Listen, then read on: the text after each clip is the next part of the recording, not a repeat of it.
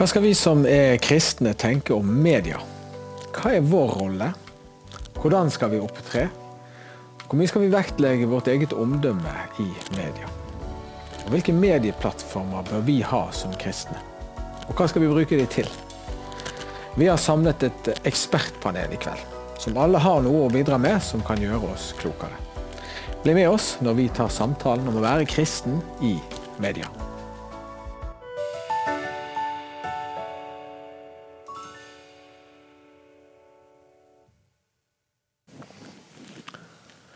Ja, Den første gjesten vi har her, det er Karl Almedal. Velkommen til deg. Takk for det. Journalist i Dagen. Eh, og eh, flittig å se med byline, som vi sier. Altså navnet ditt på artikkelen, men ikke en spesielt offentlig person. Nei, kanskje ikke. Du, eh, hva er det som er historien bak at du ble journalist? Det var egentlig ganske tilfeldig. Jeg hadde fått meg en kjæreste som studerte i Grimstad. Eh, som jeg senere har gifta meg med. Eh, og da måtte jeg også finne meg noe på Sørlandet. Og så kom jeg over eh, NLA, der var journalistikk. Og ja, så ble det sånn, da. Så, men det var ganske tilfeldig. Så fant jeg vel ut ganske fort at det var noe jeg trivdes med å, å jobbe med. Ingen barndomsdrøm altså, om å være på TV eller være journalist? eller noe av det? Nei, altså det er jo en del journalister som eh, fant ut når de var sju år at de skulle bli journalister. Eh, og fikk sin første jobb i lokalavisa når de var elleve. Eh, men for meg det, kom det seint. Jeg spør fordi du slår meg jo som en veldig typisk journalist eh, av, av, den gamle skolen, om du vil. Eh, vi skal komme litt tilbake til det. Men først, eh, hvor hører du til i, sånn, i kirkelandskapet? Jeg har vokst opp eh, på bedehuset eh, i Ulsteinvik. Eh, typisk sånn eh, IMF, eh, NLM-landskap. mest IMF. Eh, jeg har vært på Lyngdal bibelcamp hver sommer da jeg var liten. og Gikk også på, på Bildøy etter, etter videregående. så det er nok i, i bedehus, i bedehusland jeg, jeg hører, hører hjemme. Du jobber mye med gravesaker. Eh, eh, kan du bare fortelle litt om hvilke saker som folk kanskje har fått med seg, som du har jobbet spesielt med? Mm. Det, det, begynte jo med Philadelphia-Kristiansand. Den eh, doble krisa som, som, var der for to-tre år siden. Både økonomisk og, og leder, lederkrise. Der kom jeg inn ganske tidlig og fulgte den til, til Q42 ble ble solgt. Menighetsbygget der nede.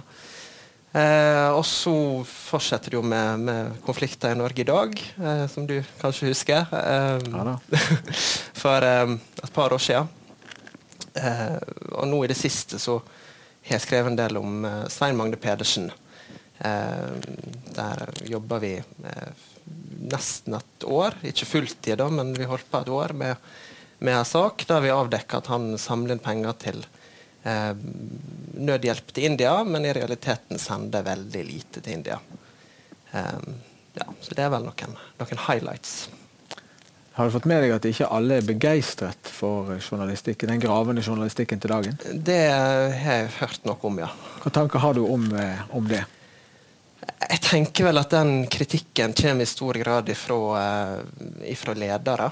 Eh, eller miljø der det er veldig sterke ledere som ikke ønsker kritisk og undersøkende journalistikk. Eh, sånn at eh, altså, Vi jobber jo for kristenfolket. Det er jo de som abonnerer på dagen. Det er de som, er de som betaler lønna mi. og jeg mener at de fortjener informasjon om det som skjer.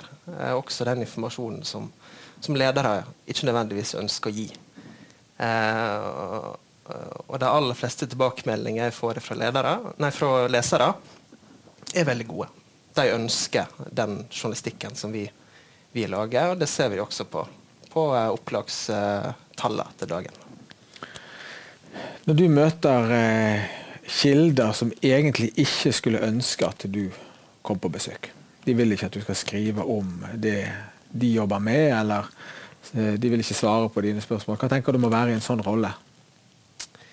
Jeg står godt i det, eh, for jeg vet hvem jeg jobber for. Eh, det er ofte da ledere som syns det er ubehagelig at vi skal se dem i kortet. Eh, de ønsker å styre på med sitt i fred.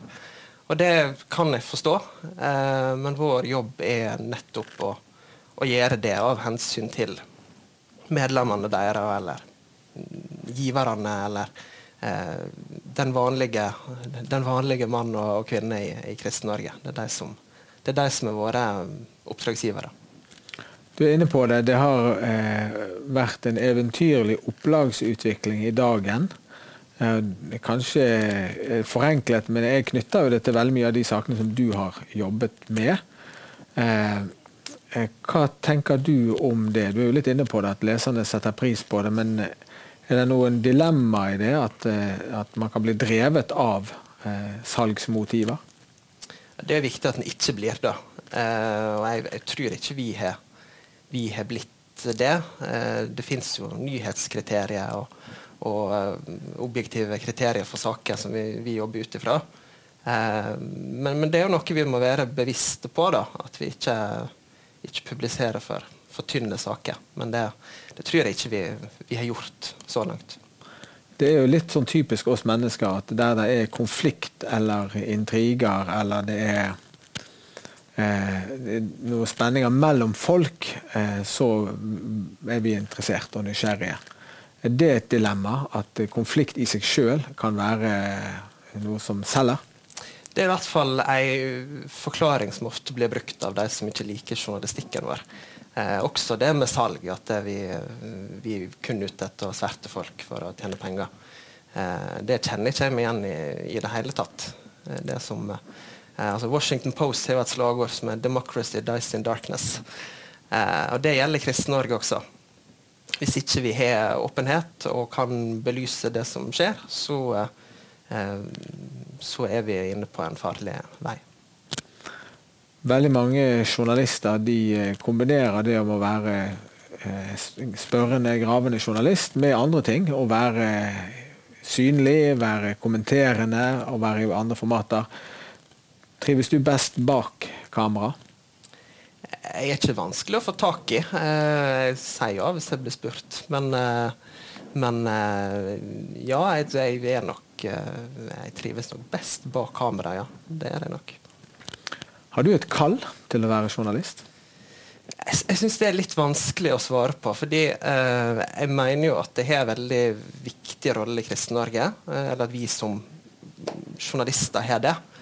Eh, samtidig så er det jo ikke alle saker som er like viktige, og like enkelt å si at nei, jeg hadde et kall til å skrive den saka her. Og i tillegg så uh, er jo journalistikk et fag. Uh, det er ikke uh, altså vi, skal ikke være avhengig av Guds ledelse for å skrive ei, ei sak. Vi har nyhetskriterier, vi har, vi har andre ting som skal avgjøre om, om vi skal skrive en sak eller ikke. men jeg, jeg, føler jo sjøl at det, det her er jeg har fått mine interesser av en, av en grunn, og mine egenskaper som at jeg er nysgjerrig, og at jeg er eh, nesten litt sånn eh, snokete. Uh, jeg har merket det. Ja, uh, og det er jo Jeg tenker dette er en god måte å bruke de, de egenskapene på. Veldig interessant. Du, vi skal straks eh, få inn eh, et par andre gjester, eh, men før det en sannhet fra Linda på Sanning samtalesenter.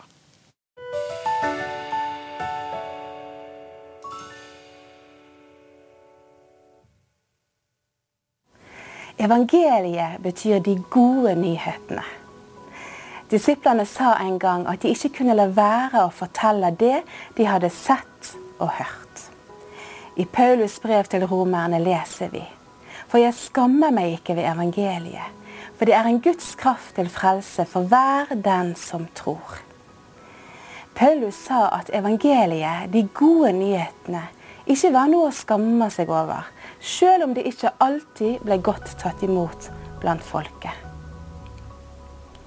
Media er vår tids møteplass, og der må òg evangeliet være synlig. Så la oss bli inspirert av Paulus. Løpe med det vi vet er de beste nyhetene. På alle plattformer og for alle mennesker i alle situasjoner.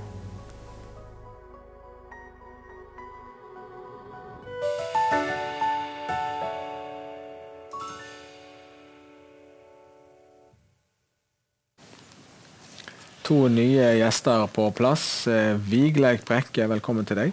Takk. Og Torbjørn Nordgård, velkommen til deg. Tusen takk. Vigleik, du har vært eh, lokalradioredaktør i mange år. Nå er du informasjonssjef i Øygarden kommune. Eh, Torbjørn, du eh, er redaktør for Verdinytt. Har jobbet som journalist, kristen journalist i mange år. Jeg begynner med deg.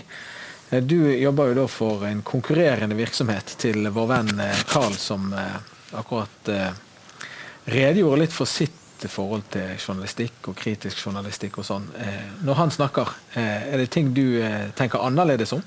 Det er veldig mye jeg tenker likt om. Jeg tenker jo det at journalistikk er et, et flott, flott fagfelt, fordi at det er i utgangspunktet basert på kristne verdier. Varsom-plakaten bygger jo på kristne verdier i bånn, sånn som, eh, som sannhet og etterrettelighet, og, eh, og, og det at enkeltmennesket skal ansvarligholdes, og at i det hele tatt sammenhenger skal ansvarligholdes overfor eh, handlinger mot andre. Da. Eh, så, det, så det er veldig mye av journalistikken i bånn som, som, som klinger veldig samklangende med en som har lyst til å jobbe ut ifra et tydelig definert kristent livssyn. Um, så tenker jeg at eh, hvis du spør meg hva, hva vi i Verdinytt, som jo er Norges nyeste kristne avis, nettavisa som starta 15.11.2022, og som har eh, hatt eh, sitt første hele driftsår nå nettopp, vi, vi, er jo, eh, vi, vi tenker nok at eh, eh, kritisk journalistikk er, er, er veldig eh, bra. Eh, og så tenker vi at disse nyhetskriteriene som, som du Karl var, var litt inne på at skal, skal styre oss, eh, der tenker vi at det er noen implikasjoner for oss som driver ut ifra definert kristen journalistikk. Og det at eh, konflikt blir av og til snakka om som et nyhetskriterium i seg sjøl. det mener jeg at det ikke kan være i eh, en tanke der vi opererer ut fra eh, det eh, kristne menneskesyn og de kristne eh, verdiene. Konflikt er ikke noe som i seg sjøl danner grunnlaget for en sak. Det kan være en del av et interessant kompleks som fortjener offentlighetens lys. For all del. Det har det vært i flere av de sakene du har skrevet. Eh, men det kan ikke være det drivende argumentet for å lage en sak, eller det, den drivende motivasjonen for å, å gjøre noe på et tema. Eh, konflikt i seg, i, i seg selv. Um, du har jo sånn eh, den gamle tommelfingerregelen med at ny, nyhetskriteriene er avis, avis, aktuelt, vesentlig, interessant og sensasjonelt. ikke sant? Og, eh, og, og innafor der så kan det ligge noen eh, konflikter bak, men, men jeg tenker at i kristen journalistikk så ønsker jeg å skrive som om Gud finnes. Vi står på en plattform av et livssyn der vi, der vi er, er, litt sånn tydelige på at at For oss er det ikke latterlig om noen har noe, en historie å fortelle som involverer noe overnaturlig, eller involverer at man har søkt Guds ledelse, f.eks., eller involverer at man har en tro som preger livet. det er litt andre ting da som blir aktuelt, enn hvis du ikke tenker at det er en del av perspektivet man jobber ut ifra. Derfor er kristen journalistikk litt annerledes enn en, en andre former. Men så, så, mye felles, men, uh, men, men, konflikt som selvstendig nyhetskriterium, det, det ser jeg uh, ikke på som naturlig for oss å, å ha. Føler du at det treffer uh, Karl? Jeg er jo ikke enig i det, da. Så vil jeg jo nødig uh, kritisere Torbjørn her. For jeg syns det er veldig kult det han driver med i Verdinytt. At han eh, tør å, å utfordre og, og, starte noe helt fra scratch. Det syns jeg er veldig kult. Men, men, jeg er jo ikke enig i det at, at kristen journalistikk er noe annet enn en vanlig journalistikk. Jeg tenker at eh, mine saker skulle også kunne blitt publisert i VG eller på NRK. Eh, vi jobber ut ifra det samme, det samme varselplakaten og de samme nyhetskriterier. Um, og det, det, handler jo om folks informasjonsbehov. Når det pågår konflikt i, i menigheter, så har medlemmene et stort behov for å få vite hva som skjer. Uh, og Da er det vårt ansvar som, som journalister at vi prøver å finne ut mest mulig og få den informasjonen ut. For det er jo ikke alltid at, at de som sitter på toppen i menigheter eller misjonsorganisasjoner der det står med, at, at de ønsker at den informasjonen skal komme ut. Men eh, dere har skrevet om Philadelphia Kristiansand. Mm. Eh, dere skriver ikke nødvendigvis om en konflikt på et lite bedehus eh, i en liten bygd. Er det en del av vurderingen? Er dette stort nok? Involverer det mange nok? Er det en del av det dere tenker på? Definitivt. Og, og det, det, er i hvert fall det som avgjør hvor stor dekninga blir. Sånn som Philadelphia Kristiansand er jo Norges nest største pinsemenighet med 1700 medlemmer. Eh, da er det ganske opplagt at det er noe vi skal, vi skal vie ressurser til. Eh, så det er jo ikke for at vi skriver om konflikt for å skrive om konflikt fordi konflikt selger. Eh, vi, er ikke, vi, er ikke, så kyniske. Eh, men, men, at en skal unngå å skrive om konflikt, det er, det er jeg ikke enig i. Nei, men, men, men det, Og det er jeg for så vidt helt enig i, at det skal man ikke unngå. Man skal ikke unngå å skrive om konflikt. Eh, men jeg tenker at en ting er avveininga med om man skal lage en sak om et tema. Og en annen ting er hvordan løser man den eh, saken. da. Eh, og i det større grad konflikt er en sånn drivende motor i måten man tenker at en sak er ferdig nok til å publiseres. da. Eh, eh I det større grad vil det prege eh, liksom, naturen i det produktet man lager. da. Eh, man kan fortelle en positiv historie fordi det er en positiv historie. Uh, uten at man trenger å finne noen som uh, sier at dette er kritisk til før saken er ferdig, f.eks. Uh, det, det, det, det, er lov. Og, og i lokalavisene så lever jo den tradisjonen også veldig godt. Uh, der er det en nyhet at det er en, uh, kom til en ny frisør på, på hjørnet i bygda. Du trenger ikke å ha den sur, og, og, samtidig intervjue en sur nabo som syns at vi ikke trenger en frisør til, f.eks. Um, men i i, uh, i, i, eh, den riksdekkende journalistikken så er, så er, det ofte mye mer sånn at uh, vi kan ikke fortelle om uh, misjonssatsinger, f.eks. om tjenester som gjøres, om vellykka kampanjer som har vært, uten at man samtidig lager en vinkling om at uh, dette var vel egentlig litt usunt, og jeg følte meg litt tråkka på en tå, på en måte. da. Um, mm så, så, Der er noe av det jeg mener med at, eh, at konflikt kan bli et fordrivende element. Mm. Ja, jeg, jeg, kjenner meg jo ikke igjen i det. da. Altså, vi, vi skriver jo stort sett veldig positive eh, saker fra Kristen-Norge. For eh, det, det, aller meste som skjer rundt om i Kristen-Norge, er jo veldig, veldig bra. Bare for å sagt det. Eh, men jeg tror at hvis vi unngår å skrive om, om, det som ikke er så bra, da tegner vi et glansbilde som, som ikke er reelt. Det, altså, vår jobb er å å speile Kristen-Norge både på godt og vondt. Eh, og Hvis vi ikke gjør det, da svikter vi leserne. Jeg eh, har invitert deg, Karl, fordi jeg syns du er en utrolig interessant eh, type. Eh, både måten du jobber på som journalist, men også fordi jeg har møtt deg både som journalist i, i, den etter hvert veldig kjente Norge i dag-konflikten, der måten du gikk frem på, var helt avgjørende for at noen ting kom frem som, som, ellers ikke ville gjort det. Og der var jeg og Torbjørn vi må si det i samme båt. Eh, Torbjørn. Vi var, vi var det, og, og, og, jeg har veldig respekt for den eh, jobben du gjorde der. Jeg har opplevd at Eh, jeg kan, jeg kan, gi deg en attest her nå, rett og slett. Jeg kan si at uh, uh, du er en journalist som det ikke er lett å bli intervjua av. For du lar deg ikke avspise før du har kommet til bunns i alt du lurte på om jeg kanskje mente med en ordlegging. uh, men, du en, men, du er en, veldig ryddig journalist, så det har ikke vært farlig å bli intervjua av deg. Ja, Takk for det. Og, så, vil jeg også si at jeg har også opplevd at du har kommet til meg som journalist og ville grave om ting som jeg ikke syns eh, Dagen burde skrive om. Eh, mm. og jeg syns det har vært irriterende. Og kjenner meg igjen i det som Torbjørn sier. Eh, og Derfor syns jeg det er så fint at vi kan snakke om det, fordi at dette er viktige spørsmål. Og jeg har fått oppleve dette fra begge sider, og har som, som Torbjørn også selvfølgelig veldig stor respekt for den jobben du gjør. Så Det er litt av liksom inngangen i dette her. For dette gjør vi ikke så, så mye av eh, i dette programmet. Man mm. tar opp ting som vi ser veldig forskjellig på. Eh, og, så det er inngangen i det, hvis eh, noen der hjemme lurte på det. Vigleik, Du har eh, lang fartstid i eh, Kristen-Norge. Hvordan ser du på dette kristne avislandskapet? Nå har vi jo hatt to forskjellige aktører her.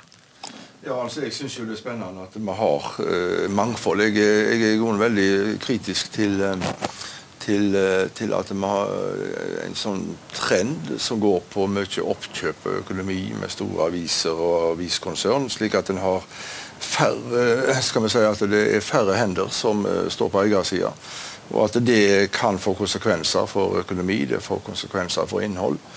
Eh, så jeg, eh, jeg er jo litt kritisk til eh, eierkonsentrasjon. Så, så, det jeg heier på, egentlig det vi kaller mangfold i media. Og slik sett så trenger vi flere typer aviser. På kristenfronten f.eks. Vi har jo Vårt Land, vi har Dagen, vi har nettsider som, som Verdinytt og andre. Norge i dag. Eh, du har et spekter som gjør, eh, som gjør sitt til at du får også et mangfold innen, dette, innen, innen denne skal man si, segmentet. Da. Så jeg, eh, jeg, er veldig opptatt av mangfold. Du var jo en del av det mangfoldet som redaktør for Kystradioen. Kan ikke du fortelle kort hva Kystradioen var? Ja, Det var jo en lokalradio som uh, så dagens ljos uh, i mai 1984. Eh, to-tre år etter at eh, lokalradio ble eh, sluppet fri.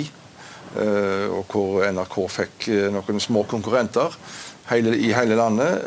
og det var en lokalradio som vi sa, bygde gjerne på en skal vi si, haugiansk grunn. altså Vi hadde en vi, vi, tenkte slik at vi skal lage en radio som har en basis, en kristen basis, men som driver vanlig lokaljournalistikk i det området vi dekker. altså det var noen kommuner vest for Bergen, eh, og det var også i Bergen. Eh, så hadde vi vanlig nyhetsdekning. Eh, I tillegg til at var, vi hadde plass til forkynnende program. Vi hadde en fast programpost som vi kalte Kystradioens kommentar. Som var skal si, vår leierartikkel. Som var nokså uvanlig i lokalradio å ha en leierartikkel. Men vi prøvde å, å skilje mellom eh, både kommentarstoff og Eller ikke bare prøvde, men vi gjorde det. Eh, opptatt av den klassiske journalistikken. Med at vi drev vanlig journalistikk bygd på Vær varsom-plakaten og Redaktørplakaten og disse prinsipper. Og eh, det var den ene sida, samtidig som vi ga med rom for forkynning. Uh, og også uh, kommentarer, men vi, var, vi, vi, hadde, vi ønsket oss å uh, gi en tydelig beskjed om hva dette var underveis. Det at dere hadde et kristent ståsted, var det konfliktfylt i møte med kilder, politikere fra partier som står langs fra kristenfolket f.eks.? Nei, jeg opplevde at vi opplevde en veldig stor respekt fra hele det politiske landskapet. Uh, og jeg tror at de opplevde å bli behandla fair, de som vi brukte som kjelder. jeg syns kanskje det var mer krevende å oppleve konflikt f.eks. Uh, i kristne miljø.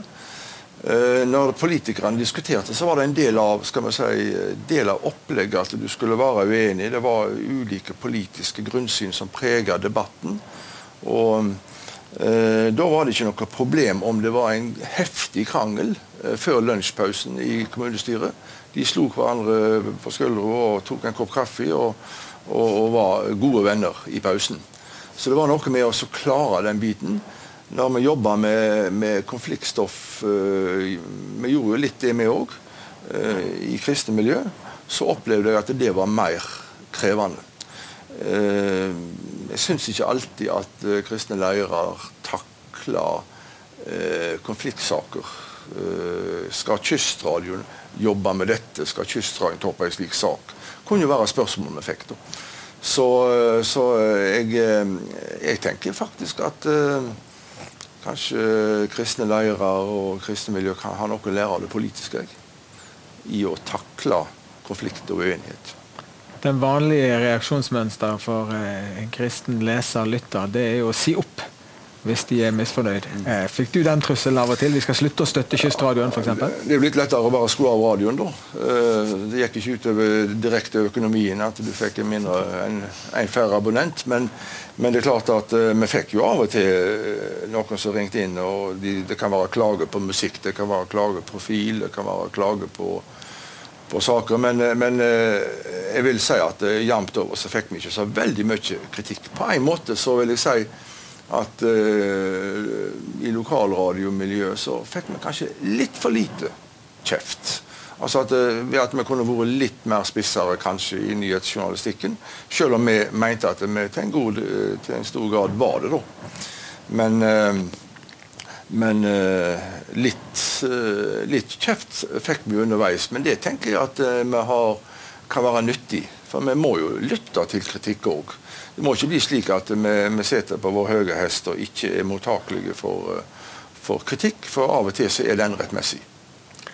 Nå jobber du som informasjonssjef i en stor kommune, voksende kommune, med store prosesser gående med utbygginger og saker og ting. Hva har det lært deg å være på den siden, å være den som får inngående telefoner fra journalistene? Altså jeg synes jo først at jeg hadde veldig, en veldig god lærdom, en god bakgrunn i at jeg satt på andre sida før jeg kom inn, og, og var øh, på en måte og hadde oppgaver på vegne av kommunen. Så jeg vil si Den bakgrunnen jeg hadde som radiojournalist og, og i radio, den var veldig til stor nytte for meg når jeg fikk komme inn i den jobben jeg hadde. Eh, du har lært på en måte hvordan tenker media. Sant? Altså En tenker ut ifra nyhetskriterium. Og da er det, det er grunner til at saker blir tatt opp, og at en uh, kommer til oss. Uh, og Av og til så er det mer kritiske saker enn andre ganger. Og da uh, vet jeg at det er grunner til dette, og det kan være gode grunner til det. Og så er det jo litt lett å tenke som sånn, når vi er i vår sammenheng, i en kommune f.eks., så, så måler vi kanskje positiv sak eller negativ sak. Men hva er en positiv sak, og hva er en negativ sak? Hvis en kommune opplever at eh, et medium avdekker dårlig omsorgstilbud, f.eks. i en kommune um, Hvis det fører til noe godt, at uh, det blir bedre omsorgstilbud, så kan man godt si at det er en god sak. Men det oppleves litt smertefullt og en negativ sak når det står på som verst, hvis du forstår. Så her er det noe med å forstå uh, rollene. Uh, jeg må være obs på min rolle, og jeg må være obs på medias rolle. Du nikker, Karl. Er dette gjenkjennelige problemstillinger for deg? At kanskje kristne også burde tenke litt mer sånn? At negativ omtale det kan føre noe positivt med seg? Så absolutt. Og jeg tenker også at uh, Vigleik her har et poeng i det at uh, ja, altså, vi journalister gjør også feil, og det må vi være eh, ydmyke på at uh, større og mindre feil skjer. og Da, vi, da handler det om hvor fort vi, vi, vi retter opp i det. Um, men så absolutt, jeg, jeg tror det er det er nok en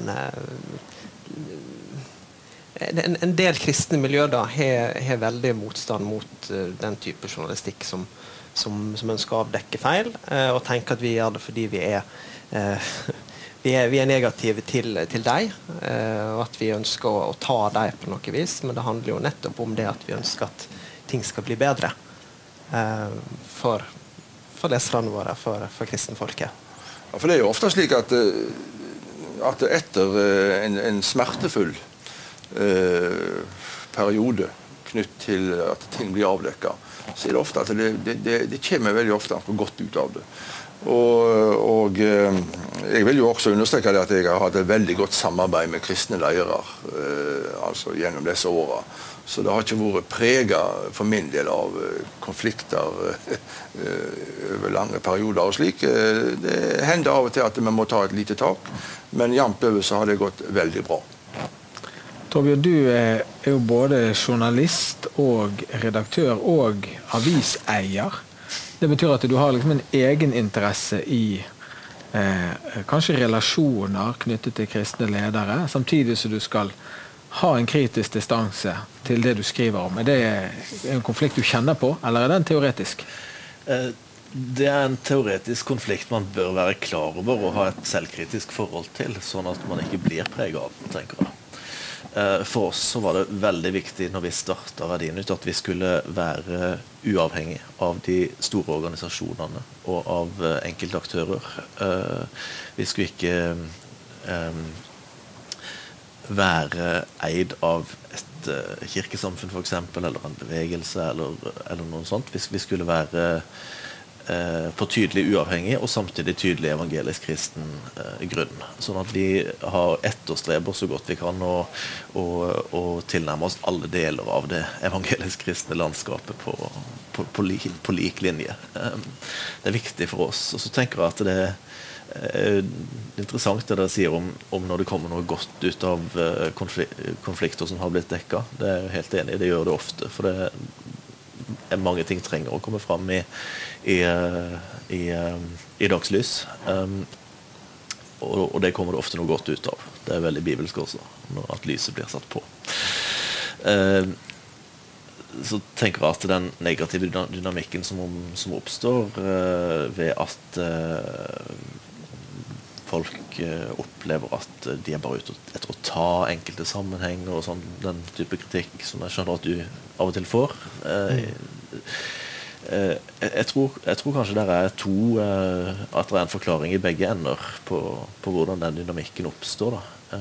Jeg tror at det for mediene sin del så, så, så tenker jeg jeg ser av og til eh, konturene av det i noen av tingene Dagen gjør. Nå er jeg ikke veldig kritisk til Dagen. Jeg syns Dagen er en veldig god avis, eh, egentlig. så det eh, ikke for å sette opp sånn, um, mm. men i, i, mediebildet i det store og hele så, så, kan det ofte være sånn at um, når noen blir tildelt en rolle som en som kritiseres i en sak, så, så, har den rollen tendens til å bli litt sementert. At du fort får litt den rollen neste gang også. Og så blir du huska for den. Eh, og så blir du alltid minnet om den. Hvis navnet ditt blir nevnt, så var det og han er jo kjent som en kontroversiell person fra den og den og den saken. Og så mm. henger det på en måte ved som en, en del av narrativet i fortsettelsen, som på en måte er mer befester en sånn, sånn skyttergrav. da. Mm. Um, og, og, og, når da det av og til besvares ved at folk ikke tar telefonen, eller sier ingen kommentar, eller ikke vil være med på samarbeidet til at noe blir dekka, uh, så er man på en måte med og forsterker litt den effekten. Den avstanden også, da.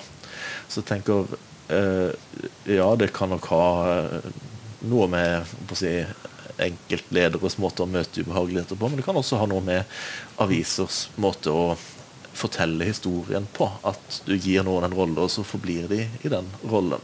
Vi er alle mer enn én ting. Vi har alle gjort noe kritikkverdig noen ganger i løpet av livet vårt, men vi har alle også gjort ganske mye eh, bra, da. Og kanskje en del av det også var eh, nyhetsverdig. Eh, og, og, jeg tror hvis man stiller meg et hakk mer sånn skal vi si nåde og blanke ark hver gang man nærmer seg en kilde, selv om man tidligere har gjort en kritisk sak om den samme kilden, så er man mm. kanskje med og bygger broer. Mm. Men, det er jo klart at det, det er jo mulig å, å ta kontakt med, med, med også redaktører og, og, sentrale folk i en redaksjon om, om det er en vanskelig sak. Jeg husker det var en sak som jeg, eh, kjente litt til, og jeg kontakta en, en, en, redaktør i et organisasjonsblad. Jeg kontakta en, en, av redaktørene i Dagen. og hadde gode samtaler. og jeg tror, de, jeg tror, ikke de opplevde meg som at jeg nå var inne for å påvirke.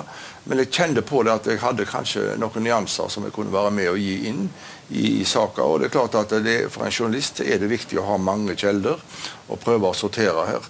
Så, så det, er jo, det, det, er jo, rå å gjøre ting og, og ta en dialog òg. Mm. Eh, så jeg har iallfall opplevd at det gikk fint an. Mm. Hvis du gjorde det på en, eh, på en eh, skal man si, ryddig måte. Det er vel kanskje også noe det er å, å opptre ryddig både som intervjuobjekt eh, og aktør, sånn at journalisten opplever at de kan få gjøre jobben sin. hvordan er det, det er vel litt forskjellig der ute?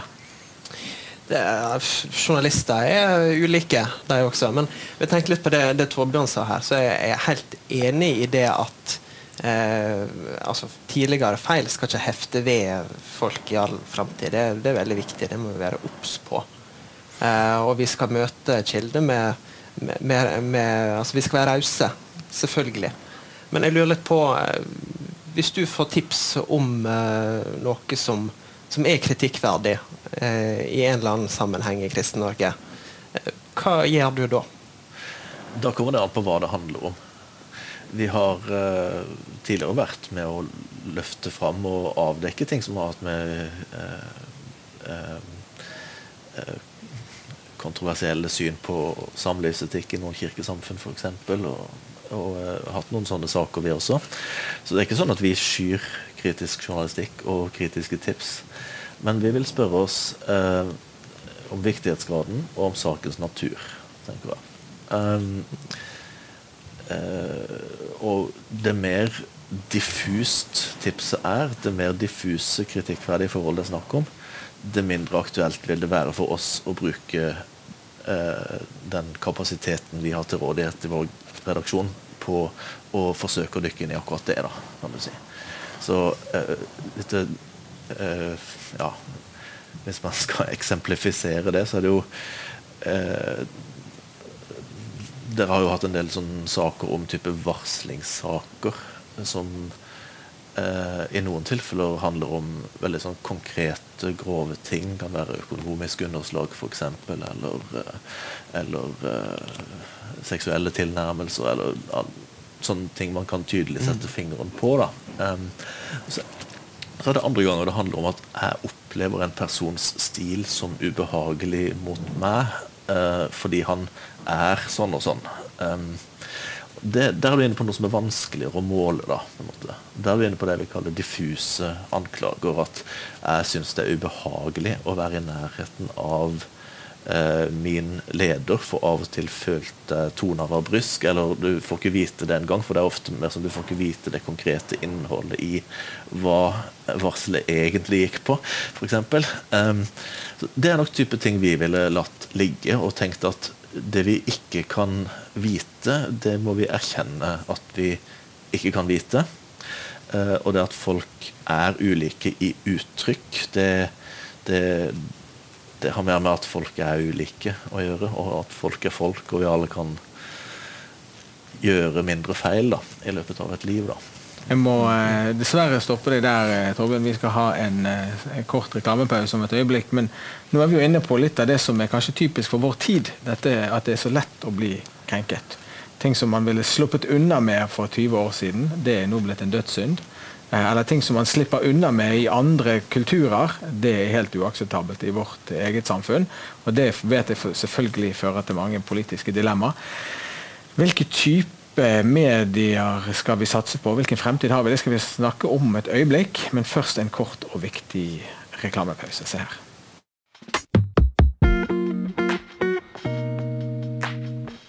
Takk for at du ser på programmet vårt. Og hvis du liker det vi gjør, så vil vi invitere deg til å være med og støtte oss. For vi kan bare gjøre dette så lenge seerne holder oss på luften så send gjerne din gave på VIPS 76 38 05. Så er du med på og hjelper oss til å gjøre disse programmene, men òg å skape nye. Så takk for din støtte på VIPS 76 38 05. Gud velsigne deg.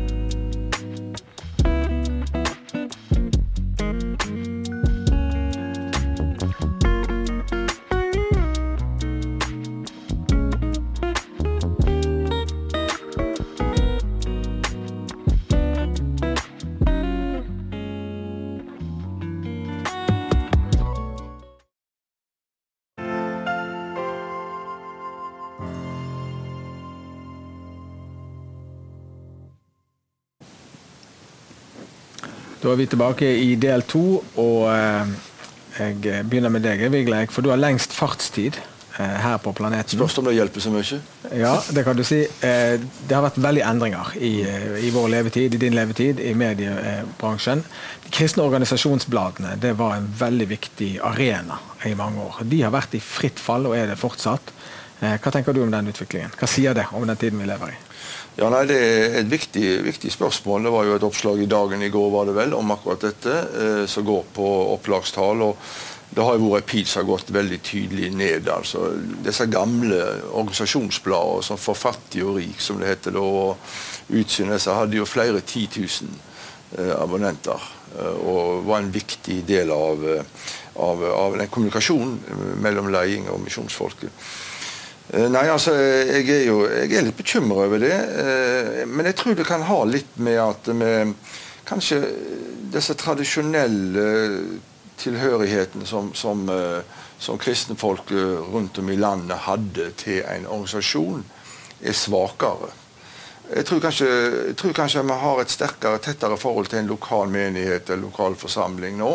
Og så dette med å ha en tilknytning til en organisasjon lenger opp i systemet, det, det blir fjernere for oss. Eh, det er jeg litt bekymra over. Egentlig så tenker jeg at det er godt å oppleve det å, å ha eh, være med i en sammenheng, og så få lov å oppleve at du er en del av noe større. Både, både noe større enn meg sjøl, og noe så større enn vår egen forsamling. Derfor så eh, ser vi jo at det er jo noen som klarer det bedre enn andre. Misjonssambandet har jo klart å holde store generalforsamlinger og kjenne på den store store fellesskapet de klarer å ha som en stor organisasjon, samtidig som de har sterkt lokalt apparat. Men eh, det er mange organisasjoner som sliter med dette, og dette går ut også da over eh, bl.a. abonnementstallet på, på organisasjonsplaner, som jeg mener er veldig viktige. Så jeg, jeg, gleder meg når jeg kan få lese litt i Utsyn og Sambandet om, om, ting som skjer. Litt eh, andre kretser, eh, andre områder i landet, ikke bare lokalt her jeg tenker det at jeg har godt av å følge med på det. Så jeg mener at vi som er engasjert i kristent arbeid lokalt, abonner på disse bladene og betal de 500 eller de tusenlappene det koster. Det er ingenting. Men noe av dette handler jo også om uh, den industrielle utviklingen i, i, mediene, og hvordan folk konsumerer media. Uh, og der, Karl, Eh, hvordan er det egentlig det ser ut eh, hos dere i dagen? For det har jo vært en papiravis primært. Mm. Ikke så mye fokus på det lenger, er det riktig? Det stemmer. Eh, det, er, det, går litt flere dager før sakene kommer på, på trykk på papir. Det gjør det. Eh, så det vi, vi tenker nett, og vi tenker nye plattformer som podkast. og og, eh, og andre. Så, så papiret er nok, er nok, på vei ut. Det er noe dårlig, dårlig skjult hemmelighet. Ja, for dere bruker ikke begreper som deadline lenger, f.eks. Eh, nå er det ut på nett når saken skal ut, og så mm. går han i papir når eh, det passer sånn, etter tur. Ja. Og jeg, jeg, vil jo si det er et gode. Eh, selv om jeg vet mange har nostalgiske minner til papir, og at det har en sånn affeksjonsverdi, så, så tror jeg journalistikken blir mye bedre I tillegg til at det frigjør ressurser til å lage mer journalistikk. Eh, så er det jo det at saka blir publisert når den er klar, og ikke når det er deadline, det, det, det er en fordel. Så absolutt. Og det har betalt seg for dagen. Hvordan har utviklingen vært opplagsmessig? Eh, altså Bare de siste fire-fem åra så har det gått fra under 10 til nå eh, 16 000 abonnenter. Så det, det, det går bra. Torbjørn, du er i gang med litt av det samme. Eh, en eh, helt digital avis. Ingen papir, ingen trykkerier, ingen postombæring. Eh, hvordan ser virkeligheten ut hos dere? Virkeligheten er sånn at, at papir ville gjort det til et utrolig tungt produkt å starte opp Eh, både kostnadsmessig og logistikkmessig og praktisk og alt. Vi får lov å konsentrere oss om å lage journalistikk og bygge en plattform for kristen journalistikk i, i, i Norge som, som, sprer seg på en så lett måte, når man kan gjøre det eh, rent nettbasert. Eh, vi har bare, vi, vi starta jo på scratch som, som, helt nye. Vi har jo ikke dagens 100-årige historie å, å, bygge på, kan du si. Så, så vi, må, vi, må, jo bygge en, en abonnentgruppe eh, skritt for skritt. Men vi ser at lesertallsmessig så er det utrolig spennende at eh, sånn 300 000 mennesker i Norge, ikke sidevisninger, men ulike mennesker i Norge, har vært eh, på besøk på verdinytt.no i løpet av det første året vårt. Eh, synes jeg er kjempespennende at vi har klart å nå ut på den måten der. Skulle vi ha sendt rundt brosjyrer i postkassene til 300 000 på papir, så hadde jo ikke det vært mulig på, på samme vis. Så, så det er der fremtida ligger. Og så tenker jeg litt i til dette med organisasjonsplanene som du, som du snakker om. Eh, jeg tror jo det at noe av det som også har vært utviklinga i, i, det kristne landskapet de siste 20 årene spesielt, er at vi har gått veldig fra å være organisasjons- og menighets- og bevegelsesorienterte til å mer bli én samla kristen bevegelse i landet vårt, i møte med et storsamfunn som fjerner seg mer og mer fra eh, verdier som står sentralt i vår eh, livsanskuelse. Eh, og, og det gjør, tror jeg, at vi trenger noen medier som fungerer som en hjemmebane for den ene kristne bevegelsen, uten å være knytta til eh, en organisasjon, et kirkesamfunn, eh, men, men, som kan mobilisere, inspirere, oppbygge og også utfordre eh, oss alle sammen som, som en bevegelse som har så mange felles utfordringer. da. Eh, vi må ta en runde vi nærmer oss slutten her på det med kristen TV. Vi spør bare kort om en kommentar. For det er egentlig ganske stort fenomen i Norge. I vår lille andedam så er det fire kristne TV-kanaler. Hvordan ser du på det kortet, Viglek? Ja, eh, jeg syns det er spennende. Jeg tenker at vi skal være glad for de stasjonene vi har. Og så får vi se hvem som uh, kan klare å overleve litt på lengre sikt. Uh, men jeg er glad for at vi har også fått den siste kanalen, Bedehuskanalen, som gjerne gjenspeiler litt mer av noe som jeg har savna litt i, i TV-tilbudet. Slik at uh, Her er liksom min grunntanke om mangfold er noe litt viktig. Og så, og så får vi se uh, hvem som har, uh, er robust nok til å kunne få drive litt på lengre sikt. Men eh, spennende er det. Karl, du er en kvikk, ung digital journalist. Hva tenker du om kristen TV? Eh, altså, vi, vi, ser jo på lesertallet at eh, det er i hvert fall stor interesse for å lese om kristen TV. Eh, hvor mange som ser på det, er litt vanskelig å måle. Eh, men eh, altså, det snakkes jo stadig om at, at eldrebølga er på vei. Så Sånn sett så er det ikke sikkert det er så veldig dumt å satse på kristen TV. nei. Det tar jeg til meg, Karl. Eh, kort fra deg òg, Torbjørn. Hvordan observerer du kristen TV? Eh, veldig spennende at vi har fått uh, så mange gode kanaler av kristen TV i, uh, i Norge. Uh, og jeg, tror jo på at alt av plattformer bør både smelte sammen og stå sammen på best mulig vis. på nett, på lineær-TV, på papirblader. Kan også være i, i, i godt samarbeid på, no, på, noen områder, helt sikkert. Her er det muligheter til å stå sammen for framtida, tror jeg. på måter vi kanskje ikke har tenkt på fullt ut ennå. Spennende med alle mulighetene som media gir oss. Vi er glad for at du vil se på våre sendinger, og nå skal du få en andakt. Og han som holder den, han har også jobbet mye i media. Vi gir ordet til Odd Sverre Hove.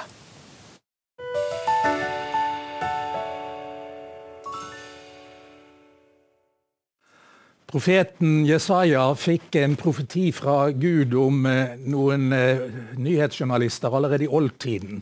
De hadde jo ingen journalisttittel den gangen, men eh, funksjonen deres fantes jo likevel å bringe nyheter. Pussige med den profetien Jesaja fikk, det er at den fokuserer på føttene til journalistene. Hvor fagre føtter deres føtter er på fjellene som kommer med gledesbud, som forkynner fred, som bærer godt budskap, som forkynner frelse, som sier til Sion, din Gud er konge. Slik står det i Jesaja 52, 7. Og disse fagre føttene på fjellene, det er altså løpere som kommer springende med nyheter. Og nyhetene de kom med, på, som Jesaja skrev om, det var gledelige nyheter for de som var fanger i eksil i Babylon i den 70-årsperioden da israelsfolket var fanger der. Det var de nyheter om eh, befrierkongen fra Persia, kong Kyros, som eh, var den gledelige nyheten som eh, denne bibelteksten egentlig forhåndsvarsler fra, gjennom profeten Jesaja. Ehm, hver, ny, hver, nyhet om slag som perserkongen vant, og som babylonierne tapte, var gledelig nyhet. Og så eh, oppsto det eh, et pussig likhetstegn mellom det å være journalist uten at man altså hadde tittelen opprinnelig, og det å være evangelist. Den tittelen hadde man jo heller ikke den gangen.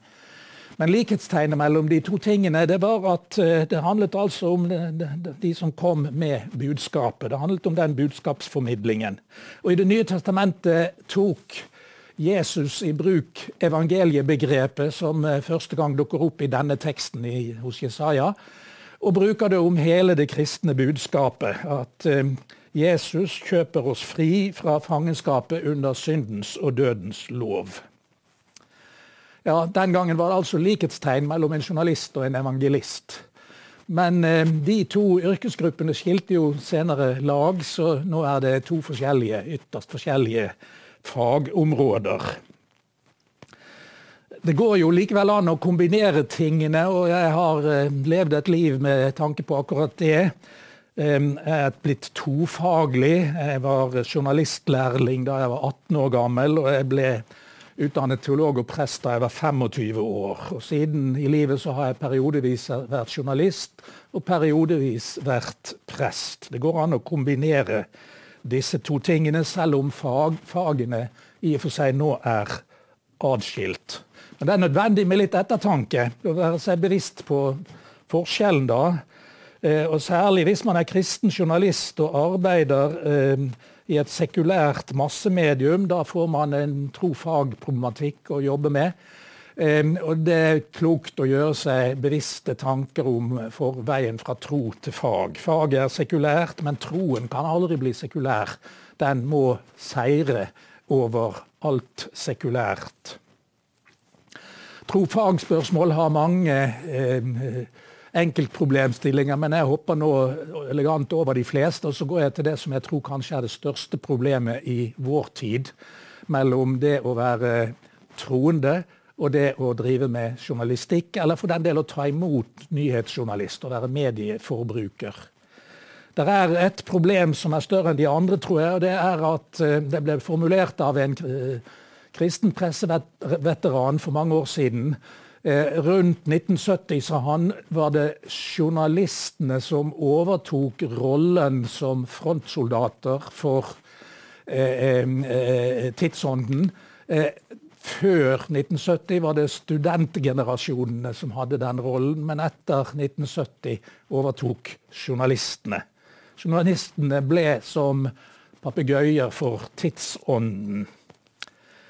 Eh, Tidsånden ja, det er eh, en størrelse som stadig skifter mote. Det har med tankemønstre som skal dominere enhver tid å gjøre. Og de, den skifter mot omtrent som vi skifter klesmoter. Eh, og det er ikke rart da at de som er nyhetsformidlere, får eh, en sånn uformell rolle som frontsoldater for ny tidsånd til enhver tid. Men det er et problem, for det er mye tidsånd som slett ikke holder mål for eh, målestokken å være kristen. Eh, Efeserbrevet 4,14 advarer mot tidsånden og har den som herre i livet, og sier at eh, da ligner man på et skip som lar seg kaste rundt omkring på havet Eh, ved hvert vindpust av ny lære, slik at folk blir bytte for falske spill og listige forføringsknep. Efeserbrevet 4,14. Det der er en av advarslene mot å ha tidsånden som herre i livet. Det betyr at kristne journalister trenger motgift mot tidsånden. Og kristne medieforbrukere trenger motgift mot det som kommer fra mediene i vår tid. Og Den motgiften den står i det neste verset, Feserbrevet 4, 15. Der står det at vi alle må være sannheten tro i kjærlighet. Vi må på alle måter, står det, vokse opp til ham som er hodet. Det er Herren Jesus Kristus. Så der har vi konklusjonen vår.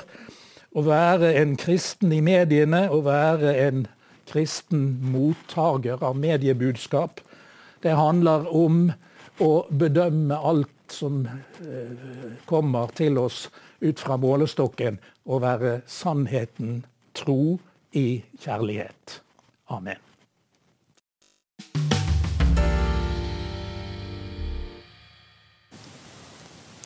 Ja, tusen takk, Odd Sverre Hove, for en veldig fin andakt. Mye å tenke på der. Håper at du har syntes syns dette har vært interessant. Vi er jo innom ting som eh, folk har både meninger om og erfaringer med. Og vi eh, syns det er veldig meningsfullt å få lov til å legge til rette for sånne samtaler. Eh, det er litt av ideen bak dette programmet. At vi skal kunne starte samtaler her som kanskje kan utløse samtaler i ditt liv, eller med folk som du eh, har med å gjøre. Tusen takk for at du fulgte oss i kveld. Tusen takk til våre gjester Vigleik, Karl og Torbjørn. Eh, og så eh, vet du hvor du finner oss hver torsdag her på Samtalen. Og så er vi tilbake inn på tirsdag med Live med venner. Dette, disse programmene er bare mulig takket være deg som støtter Kristen Media Norge, eh, så det er noe å tenke på. Og så ønsker vi deg bare en god kveld og Guds velsignelse der du er. Og så ses vi igjen.